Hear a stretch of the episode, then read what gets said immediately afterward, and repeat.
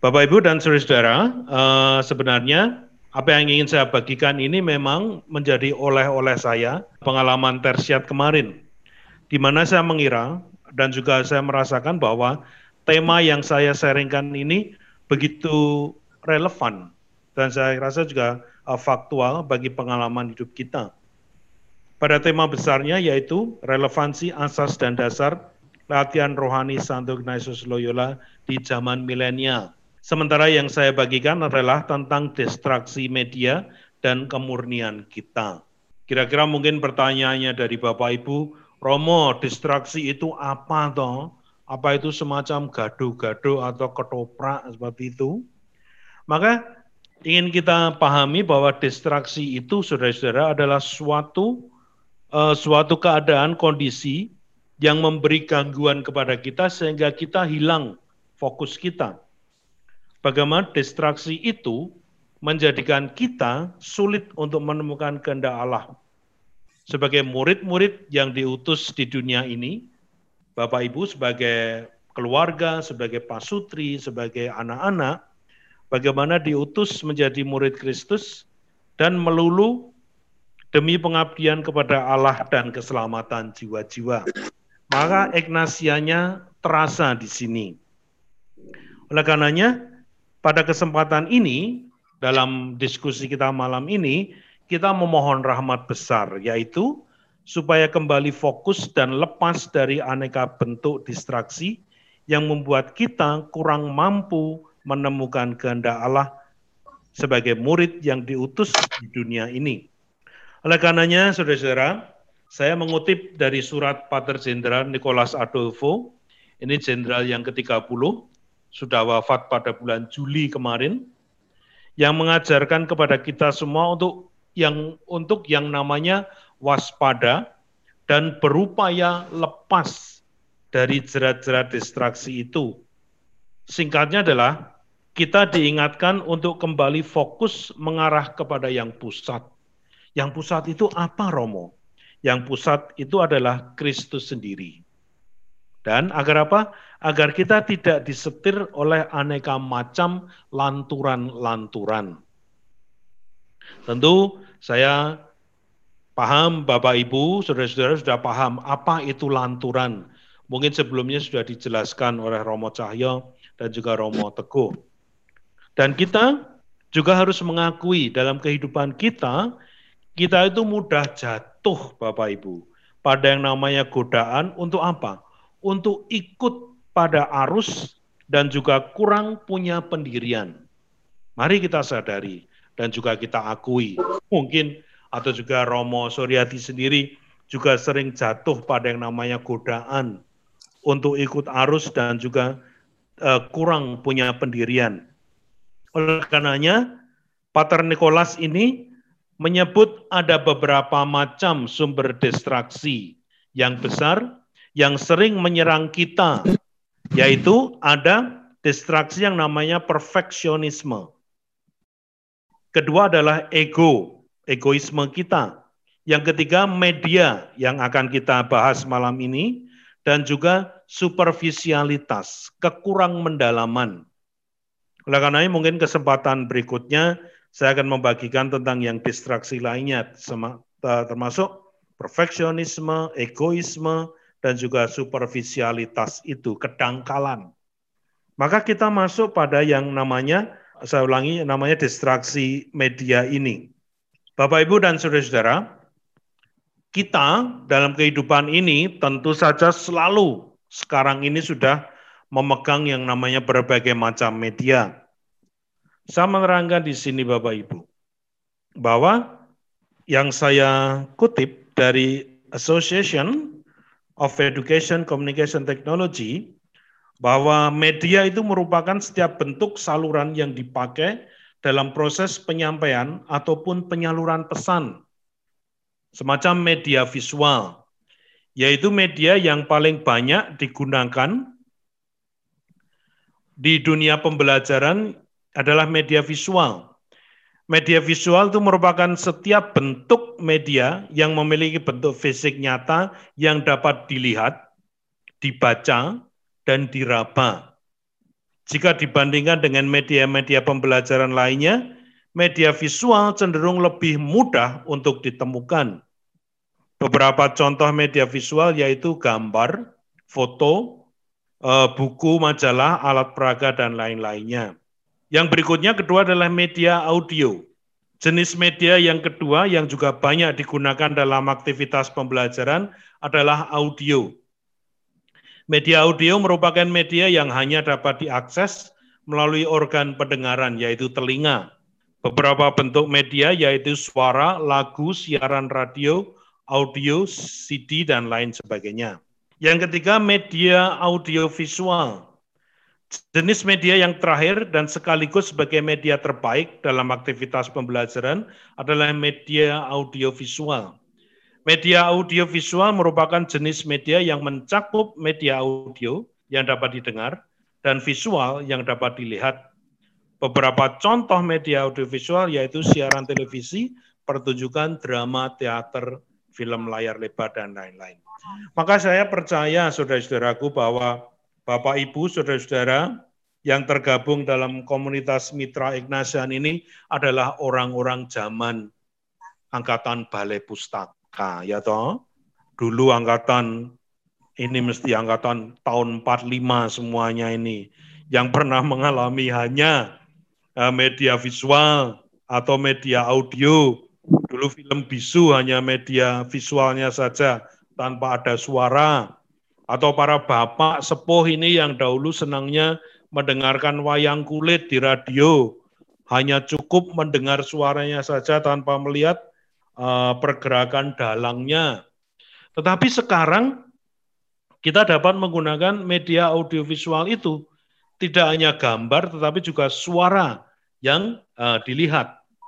Maka inilah bagian dari kebaharuan teknologi ini.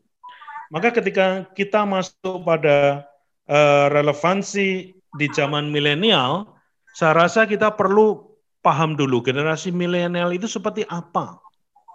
Generasi milenial adalah generasi yang sangat mahir dalam teknologi.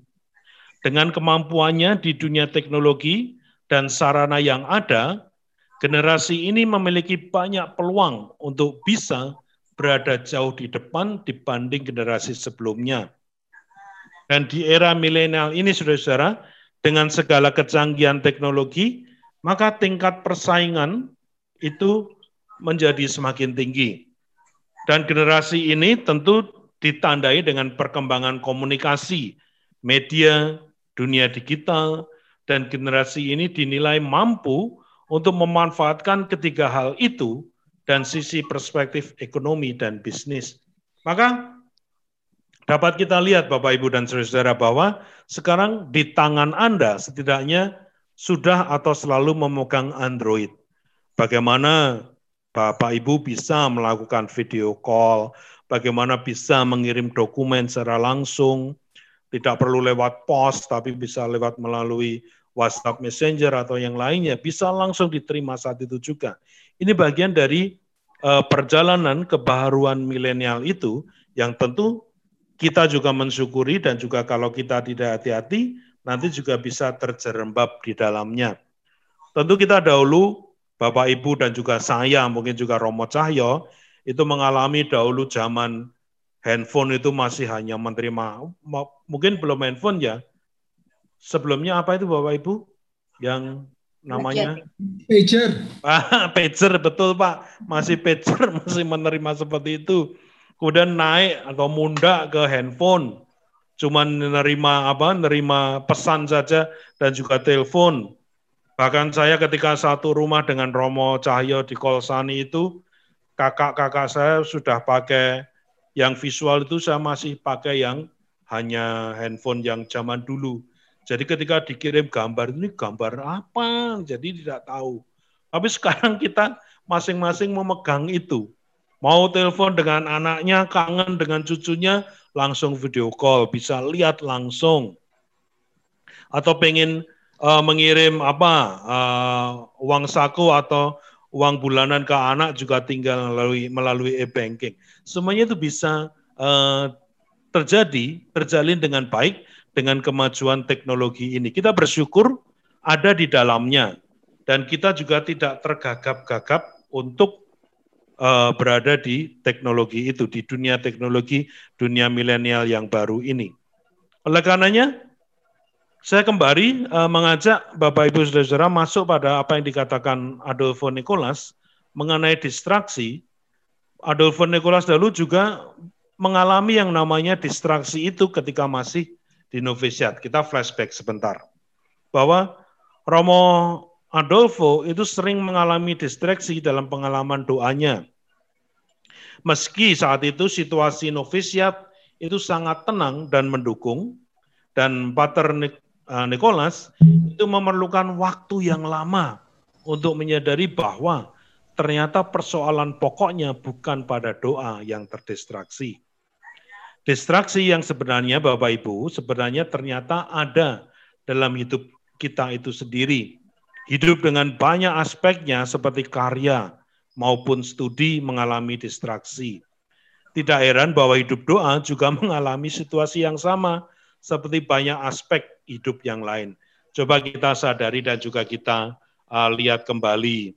Ketika nanti malam atau malam-malam sebelumnya Bapak Ibu mau doa malam, itu terdistraksi apa tidak, sering kali handphonenya bunyi, linglung gitu. Nah itu terdeteksi atau tidak, Santa Nokia memanggilmu untuk membuka handphone Anda, atau tetap berteguh di dalam doa itu.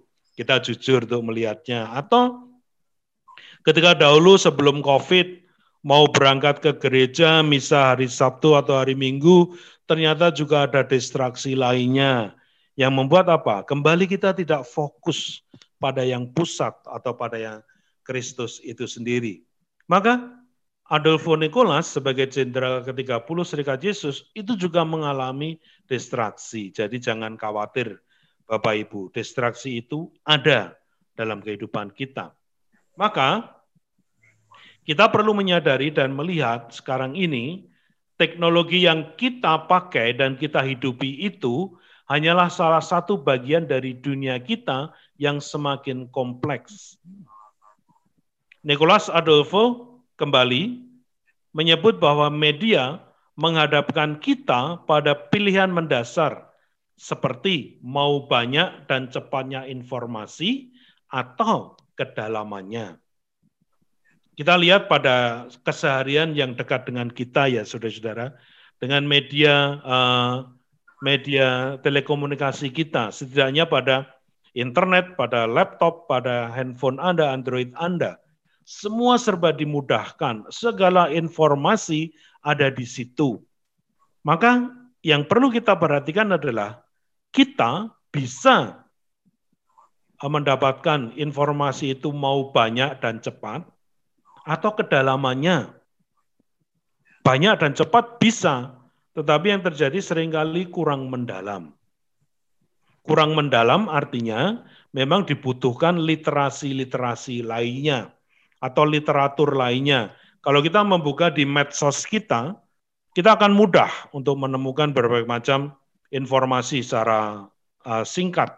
Karena memang itu yang dijadi, di, terjadi di dunia media jurnalistik, apa yang penting, yang kemudian menarik uh, perhatian pembaca itu yang ditampilkan. Tetapi untuk kemendalamannya, kita masih harus mencari literasi yang lain. Maka di sini Adolfo menasihatkan kepada kita, kita tidak menempatkan diri dalam posisi hitam putih ketika berhadapan dengan perubahan cepat media teknologi, juga aneka perubahan cepat dalam bidang lain seperti ekonomi, budaya, pendidikan, dan lain sebagainya. Intinya atau apa yang ingin disampaikan oleh Nicholas adalah bagaimana kemendalamannya itu tidak hanya pada sisi teknologi media, tetapi juga yang lainnya seperti dunia ekonomi, budaya, dan juga pendidikan, dan lain sebagainya. Artinya adalah kita tidak akan begitu saja menghakimi perubahan-perubahan cepat itu dengan kategori baik atau buruk. Apa yang kita pegang, media komunikasi yang kita pegang itu tidak bisa kita hakimi, wah ini jelek banget, ini romo, ini selalu membuat kami tergantung atau wah media ini baik Romo karena selalu memberikan update data bagi saya. Kita tidak bisa melakukan hal itu. Apa yang dituntut dari kita adalah kemampuan memelihara tegangan. Tegangan itu pasti media-media itu memberikan kepada Anda kemudahan. Tetapi ketegangannya itu tadi kurang mendalam. Nah, bagaimana kita sadar akan tegangan itu dan juga tidak larut di satu sisi. Ajaran Ignatian kan kita harus berdiri di tengah, tidak memihak ke yang satu atau yang lainnya. Bagaimana juga kita dituntut mendobrak kemapanan berpikir, merasa, dan juga bertindak kita. Maka sering kali yang diarahkan adalah pengalaman kontemplasi. Bagaimana uh, Bapak Ibu jangan melupakan babon kita yang sering kita baca. Mungkin Bapak Ibu sudah sering kali melihat buku ini, nanti suatu ketika ya, kalau retret silakan. Ini babon kami, saya Romo Teguh, Romo Cahyo, yang kami gunakan dalam kehidupan uh, spiritualitas Ignatian kami, yaitu latihan rohani, di mana di situ salah satunya membahas tentang kontemplasi mengenai inkarnasi, penjelmaan Tuhan yang menjadi manusia. Di situ kalau kita memahami inkarnasi itu, dapat membantu kita memperlebar cakrawala akan dunia kita yang semakin kompleks. Bagaimana Allah pada awalnya juga melihat kompleksitas dunia yang kita hidupi ini. Oleh karenanya perjalanan waktu Allah sebagai pribadi yang pertama mengutus putranya sebagai pribadi yang kedua, misteri Tritunggal, itu untuk turun ke dunia, untuk masuk ke dalam kompleksitas hidup manusia, yang nanti naga-naganya itu akan jatuh ke neraka. Maka itu nanti bisa kita mendalam, kita dalami pada eh, kesempatan berikutnya. Maka mungkin Bapak Ibu, saya mengajak Anda ya sekedar untuk merenungi apa yang kita uh, jalani dalam kehidupan selama ini. Mungkin saya mengajak Anda bertanya pada diri Anda, seberapa efektif atau seberapa fokus saya, aku, bekerja dengan sarana gadget yang aku punya.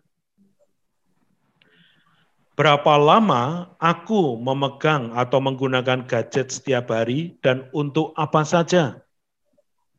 Bisa menggunakan internet Anda, eh, internet rumah Anda, laptop, komputer, eh, eh, handphone Anda, Android Anda. Dan kita lihat dengan relevansi sekarang ini dengan adanya pandemi COVID ini, apakah ada perubahan cara pandangku pada sarana-sarana komunikasi digital yang dahulu mungkin anti atau uh, tidak memahami dunia teknologi sekarang harus ditatapkan pada kenyataan kita malam ini realitas dari pandemi COVID ini mengadakan webinar ini kan juga bagian dari uh, cara kita juga harus masuk pada dunia tersalib karena COVID. Dan bagaimana aku menyikapi tegangan antara kecepatan dan kedalaman. Kecepatan info atau data yang Bapak Ibu peroleh melalui teknologi digital itu dan kedalamannya. Cepat itu baik, tetapi apakah selama ini mendalam? juga tegangan antara banyaknya informasi dan kedalamannya. Mungkin inilah Bapak Ibu yang sering kali membuat kita juga masuk pada yang namanya hoax itu. Berita-berita yang ah, apa ya kurang bisa dipertanggungjawabkan kebenarannya. Asal forward, asal pasang status, tetapi kita kurang mendalam di dalam informasi uh, sebelumnya. Atau kemarin saya baca itu uh, apa permasalahan antara kata anjay itu sekarang diperdebatkan boleh atau tidak. Ternyata yang menelorkan pertama malah meminta maaf loh. Ini kan juga juga bagian dari tantangan akan kemendalaman itu. Ini tiga permenungan yang nanti bisa Bapak Ibu bawa dalam pengalaman sehari-hari, dalam uh, pengalaman kerja di rumah atau work at home atau bagaimana juga kalau yang masuk kantor meskipun juga harus selang-seling juga bisa direnungkan pengaruh dunia digital media itu dengan kehidupan kita. Maka yang selalu menjadi tatapan kita sebagai mitra Ignatian yaitu selalu tentang asas dan dasar Bapak Ibu, yaitu latihan rohani nomor 23. Manusia diciptakan untuk memuji, menghormati, serta mengabdi Allah Tuhan kita, dan dengan itu menyelamatkan jiwanya. Ciptaan lain di atas permukaan bumi diciptakan bagi manusia untuk menolongnya dalam mengejar tujuan ia diciptakan. Karena itu, manusia harus mempergunakannya sejauh itu menolong untuk mencapai tujuan tadi dan harus melepaskan diri dari barang-barang tersebut sejauh itu merintangi dirinya. Masih dilanjutkan, oleh karena itu kita perlu mengambil sikap lepas bebas terhadap segala ciptaan itu. Sejauh pilihan merdeka ada pada kita dan tidak ada larangan. Maka dari itu, dari pihak kita, kita tidak memilih kesehatan lebih daripada sakit, kekayaan lebih daripada kemiskinan, kehormatan lebih daripada penghinaan, hidup panjang lebih daripada hidup pendek. Begitu seterusnya mengenai hal-hal lain yang kita inginkan dan yang kita pilih ialah melulu apa yang lebih membawa kita ke tujuan kita diciptakan. Ini warisan dari Santo Ignatius Loyola Bapak Ibu. Maka kalau kita kembali pada mungkin pada alinea yang pertama ya, tadi, dicip, tadi disebutkan ciptaan lain di atas permukaan bumi diciptakan bagi manusia untuk menolongnya dalam mengejar tujuan ia diciptakan. Nah, Bapak, Ibu, dan saudara-saudaraku, dalam profesi Anda masing-masing, dalam pekerjaan Anda, tentu salah satunya adalah juga ini, bagaimana mengabdi Allah Tuhan kita. Mengabdi Allah itu terwujud dalam pekerjaan Anda, entah sebagai guru, entah sebagai dosen, entah sebagai akuntan, entah bahkan sebagai ibu rumah tangga, itu juga bagian dari mengabdi Allah Tuhan kita. Memuji, menghormati itu juga hadir dalam apa? Pengalaman doa-doa Anda, bagaimana menghormati. Memuji mungkin dapat kita terjemahkan ketika Bapak Ibu juga mengikuti perayaan misa, ibadah, dan lain sebagainya. Maka Ignatius mengatakan ciptaan lain itu diciptakan bagi kita dan untuk menolong kita mengejar tujuan tadi. Maka Bapak Ibu, media itu juga diciptakan untuk menolong Anda dalam mengejar tujuan tadi, bekerja pekerjaan Anda, eksistensi Anda. Tetapi Ignatius menekankan manusia harus mempergunakan sejauh itu menolong dan men, untuk mencapai tujuan tadi dan harus melepaskan diri dari barang-barang itu sejauh itu merintangi dirinya. Ini yang menjadi menjadi tatapan kita Bapak Ibu Saudara-saudara. Bagaimana media itu diizinkan hadir dan kita boleh menggunakannya sejauh tidak ada paksaan atau sejauh kehendak bebas dari diri Anda. Tidak suami atau istri Anda memaksa, Pak, harus pakai ini loh Pak, kalau enggak awas ya. Nah, tidak. Tetapi itu kehendak bebas Anda. Maka ketika semuanya itu menghalangi tujuan Bapak Ibu, maka Bapak Ibu juga harus berani meninggalkan. Kalau itu semua membuat Anda ketergantungan, lupa pada tanggung jawab kita, pada profesi kita, maka itu harus ditinggalkan. Inilah yang disebut kelekatan. Umpamanya, Romo Suryadi uh, ada jadwal misa minggu pagi, ya. Tetapi saya terlanjur ada janji mau apa uh, chattingan dengan teman saya. Asal harus bikin alasan. Waduh, Romo saya sibuk banget ya, mohon Romo Cahya anu ya, uh, apa Romo Cahya ganti saya ya. Nah, ini kira-kira uh, merintangi atau mendukung Bapak Ibu? merintangi oleh karenanya saya juga harus melepaskan kelekatan dari ketergantungan nah ini tadi fasilitas teknologi ini. Mungkin pertanyaannya Romo, memang benar Ignatius bikin ini, apakah dia dahulu mengalami hal ini?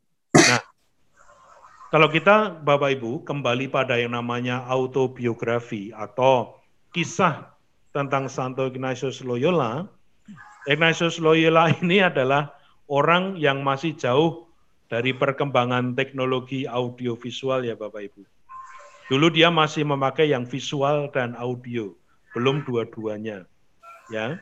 Kita tentu ingat atau Bapak Ibu pernah membaca tentang autobiografi Ignatius Loyola ya. Ketika dia jatuh sakit, terluka setelah pertempuran di benteng Pamplona, kan kakinya itu terkena peluru meriam. Dan dia harus mengalami operasi lama di rumah kakak perempuannya. Dan di situ dia tidak ada hiburan sama sekali. Dan kita ketahui Ignatius Loyola itu adalah seorang yang sangat memperhatikan pengalaman-pengalaman heroik. Dia seorang kesatria. Tentu saja ingin uh, sesuatu yang heroik. Maka dia meminta bacaan kepada kakaknya itu. Dia ingin bacaan-bacaan yang tentang orang-orang hebat, tentang kesatria-kesatria. Nah, tetapi ketika dia membayangkan hidup para kesatria itu dengan bermain pedang, dengan anggar, dengan membunuh lawannya, dia kemudian merasa terdistraksi. Sementara di rumah kakaknya itu juga ada bacaan tentang yang pertama, Flos Sanctorum, itu kisah Santo Santa. Yang kedua yaitu mengikuti jejak Kristus atau Imitatio Christi. Itu bukunya sekarang ada tulisannya Thomas Kempis. Kalau Bapak Ibu mencari di Obor atau di Canisius, buku itu ada. Tetapi kelihatannya yang dibaca Ignatius pada zamannya adalah tulisan yang belum disarikan oleh Thomas Kempis. Nah, ketika membaca bacaan tentang Santo Santa dan mengikuti jalan Kristus ini, ia merasa berkobar-kobar. Dan ia semakin masuk pada pencarian jati dirinya untuk mengikuti jalan seperti yang dilalui oleh Franciscus Assisi, yaitu pendiri Fransiskan OFM, dan juga uh, Dominikus Dominikan. Nah, ketika kembali membaca tentang para kesatria dan juga tentang apa ya, tentang bacaan novel semacam roman, kisah perempuan dan laki-laki relasi gitu, dia merasa kemudian kering. Maka di sinilah kita lihat ada distraksi yang juga dialami oleh Ignatius Loyola. Nah, baik asas dan dasar ini dan juga uh, latihan rohani ini serta auto, autobiografi Ignatius itu merupakan catatan dari apa yang dahulu dialami oleh Ignatius Loyola.